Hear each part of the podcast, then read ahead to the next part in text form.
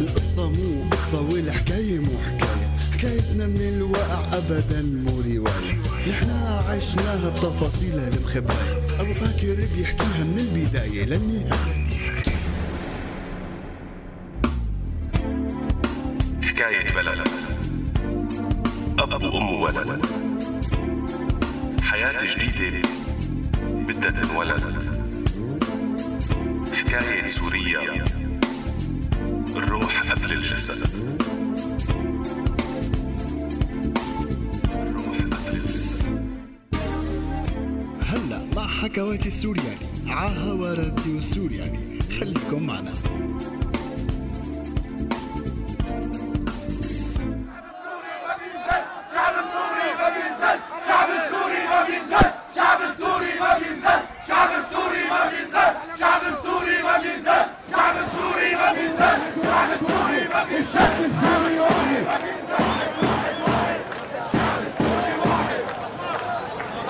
ويسقط يسقط هالنظام ويسقط حزب البعثية.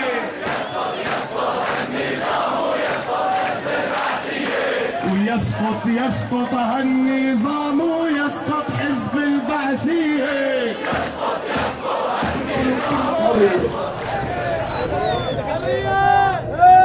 وبدنا نشيله لبشر بهمتنا القوية سوريا بدها سوريا بدها وبدنا نشيله لبشر بهمتنا القوية سوريا بدها سوريا بدها وأرحل عنا يا سوريا بدها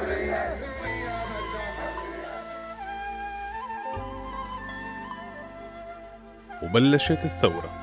ونزلوا الناس على الشوارع يهتفوا ويطالبوا بتغيير النظام الحاكم بسوريا. واستنفروا أجهزة المخابرات والأمن مشان يعرفوا شو عم بيصير ومين يلي عم يحرك الناس. وما قدروا ولا للحظة يشوفوا الموضوع على أنه ثورة شعبية. لا أكيد في جواسيس وخواني بين الناس عم تدفع مصاري حتى ينزلوا العالم يتظاهروا. وحسان يلي صار له أكثر من عشر سنين عم يشتغل مخبر عند الأمن ما شاف الموضوع غير من هاي الزاوية. ما قدر أبدا إنه يشوفه حركة حقيقية من الناس. رغم كل القصص يلي بيعرفها ويلي سمعها ويلي كتبها بتقاريره يلي بتحكي عن الظلم يلي عم يعيشوه الناس بظل نظام حاكم ديكتاتوري بظل فساد مرعب بالجيش وبدوائر الدولة ورغم كل القمع والرشاوي يلي بيسمع عنهم وبيعرفهم كتير منيح. بقي مقتنع إنه هدول خواني وإنه ما في شيء اسمه ثورة ولازم يجمع أكبر كم من المعلومات من العالم حتى يقدر يحمي البلد. لازم يفتح عيونه وأدينيه منيح. يعني شو بصير بحالته لو راح النظام؟ لا لا لا شو يروح؟ هذا نظام قوي كتير مستحيل يروح. كلها على بعضها شوية زعران فلتوا بالطرقات بكرة الأمن بضبون هيك كان رده على رفيقه جمال وقت فكر جمال إنه ممكن يروح النظام. وبقي متمسك بهالفكرة وبقي عم يدافع عن النظام وبقي عم يكتب تقارير بهالعالم. طبعا التعليمات كانت تجي بشكل أكبر وأسرع. ودائما في توجيهات وطلبات للتركيز على أسماء محددة ومناطق أكثر من مناطق واشتدت حملات الاعتقالات وبلشت تطلع قصص عن التعذيب يلي عم بيصير وكيف في كم شب ماتوا تحت الضرب. هون جمال رفيقه الحسان قال له انتبه القصة ما عادت تقرير تكتبه وشوية معلومات تبعتها وتقبض قرشين وتكمل حياتك بعدها. هلأ صار في ناس عم تموت في دم عم ينزل في أرواح عم تطلع. انتبه منيح شو عم تعمل وشو عم تكتب. ما بصير تورط حدا يمكن يموت بسببك وتحمل ذنبه كل عمرك. فرد حسان إنه هو ما عم يكتب غير الحقيقة. والناس يلي عم يراقبهم وعم يجمع أخبارهم كانوا عم يحضروا لشي كانوا متورطين. لك متورطين بشو؟ سألوا جمال فرد إنه كانوا عم يطبعوا مناشير عم يحضروا لمظاهرات عم يفكروا بتغيير النظام و... فقاطعوا جمال وقال له بس هن ما عم يقتلوا حدا. هن عم يوصلوا فكرتهم ويعبروا عنا كلياتنا بنعرف قديش البلد مخنوق وممسوك بقوة وانت سيد العارفين مثلك متايل منتشرين بين الناس عم يكتبوا النفس والفكرة يلي بفكروا فيها العالم ما تاركين مجال لأي حرية بالتفكير ولا الحكي هون نقز حسان وقت سمع كلمة حرية وقال له لجمال انت كمان؟ انت كمان يا جمال صرت من جماعة الحرية؟ شو يعني؟ بدك تكتب فيه تقرير؟ سأله جمال فرد حسان إنه لا أكيد لا أنت رفيقي وبعرفك منيح. بس انتبه على حالك لا تخليهم يلعبوا بعقلك.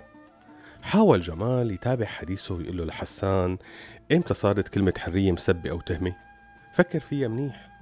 فكر كيف عم يغسلوا لكم دماغكم ويخلوكم تغيروا كل قناعاتكم بس حسان وقفه وقال له لا تحكي أكتر لأنه إذا سمعت أكتر من هيك حأضطر أكتب فيك تقرير. فلا تخليني أسمع كلام أكتر من اللي صار. وقام مشي وترك جمال قاعد لحاله صافن مو مصدق إنه رفيق عمره ممكن يكتب فيه تقرير ويسلمه للأمن. ولبين ما يستوعب جمال الصواب حنروح فاصل صغير وبنرجع لكم.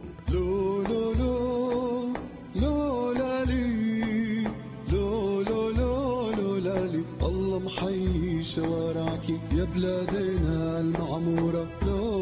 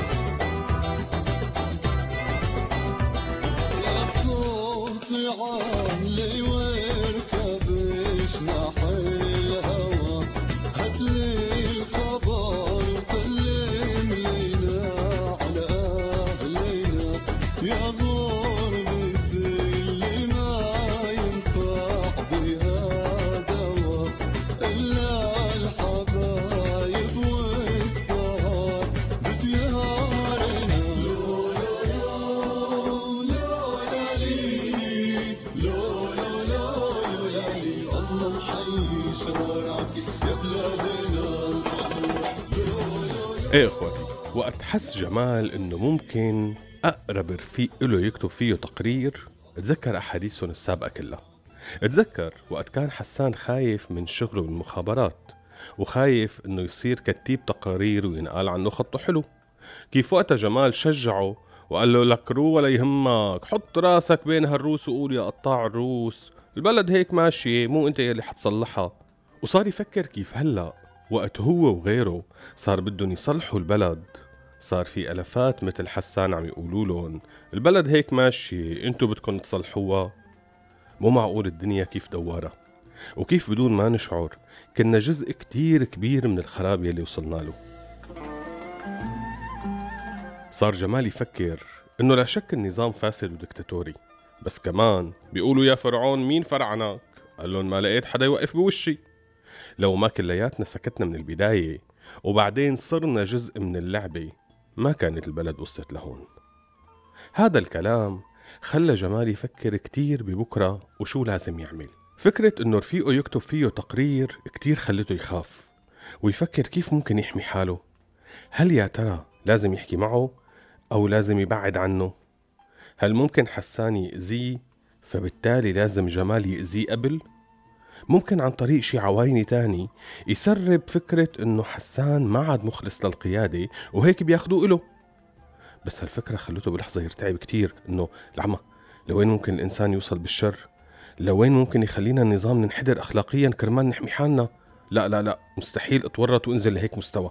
حبعد عنه وأتركه بحاله. بركي مع الوقت بينتبه وبيوعى للي عم بيصير. وما عاد حكى معه لحسان ولا تواصل نهائيا. بهذا الوقت كان حسان عم يفكر كمان إنه شو ممكن يعمل. كيف ممكن يسكت عن فكرة إنه جمال هو واحد من هدول تبع الحرية اللي بدهم يخربوا البلد؟ معقول يكتب فيه تقرير؟ معقول يسلمه للأمن؟ طب إذا ما سلمه مو ممكن غيره يسلمه بهي الحالة بالتحقيق حيعرفوا إنه هو رفيقه لحسان وإنه حسان معناتها ما عم يقوم بشغله منيح. ممكن يفكرون قلب وصار من جماعة الحرية. ساعتها والله بياكلها. أكيد حيشحطوه لجوا وياكل قتل ويفرق. شو ممكن يعمل؟ القصة هلأ ما عادت حماية رفيقه أو أذيته. القصة هلأ صارت يا أنا يا هو. لازم أتصرف مو معقول أبقى ساكت. حيجوا يشحطوني من البيت.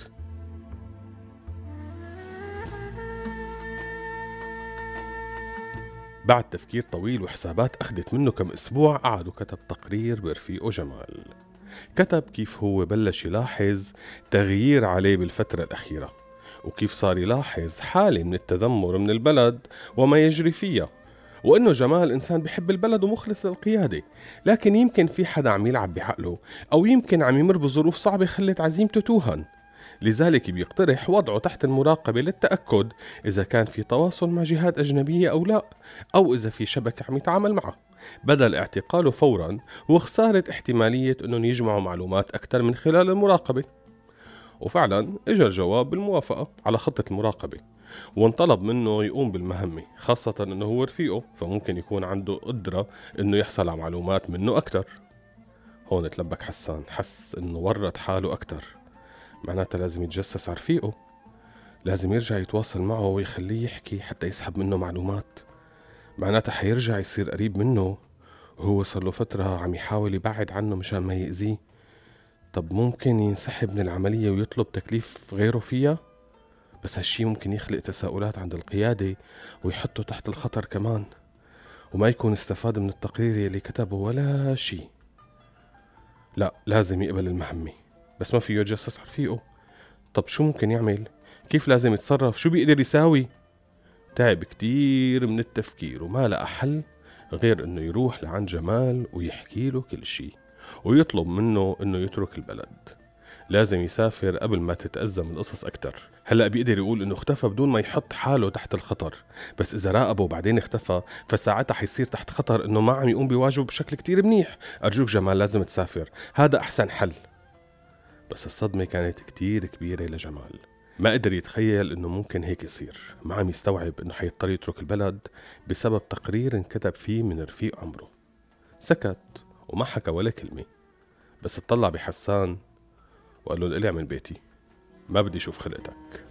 يا حيف عليك. يا حيف.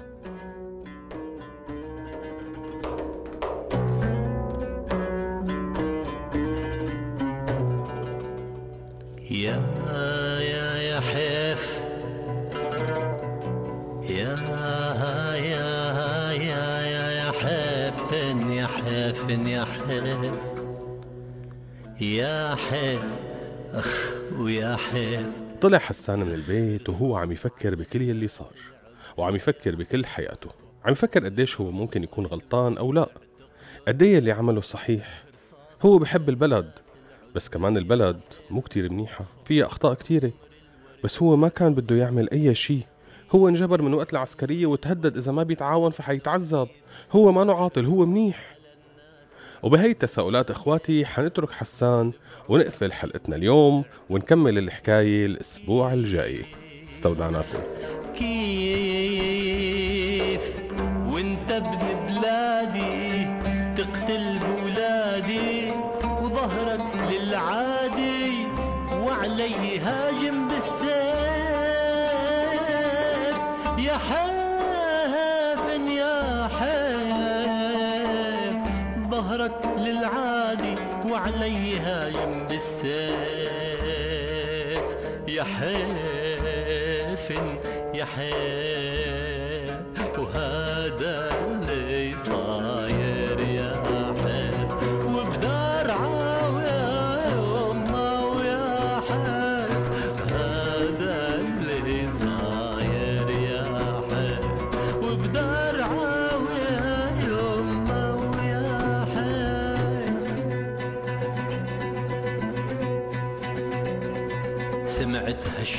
هالشباب يما الحرية عالباب يما.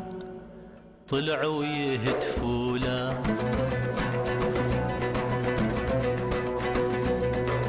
شافوا البواريد يما قالوا إخوتنا هن. ومش رح يضربونا.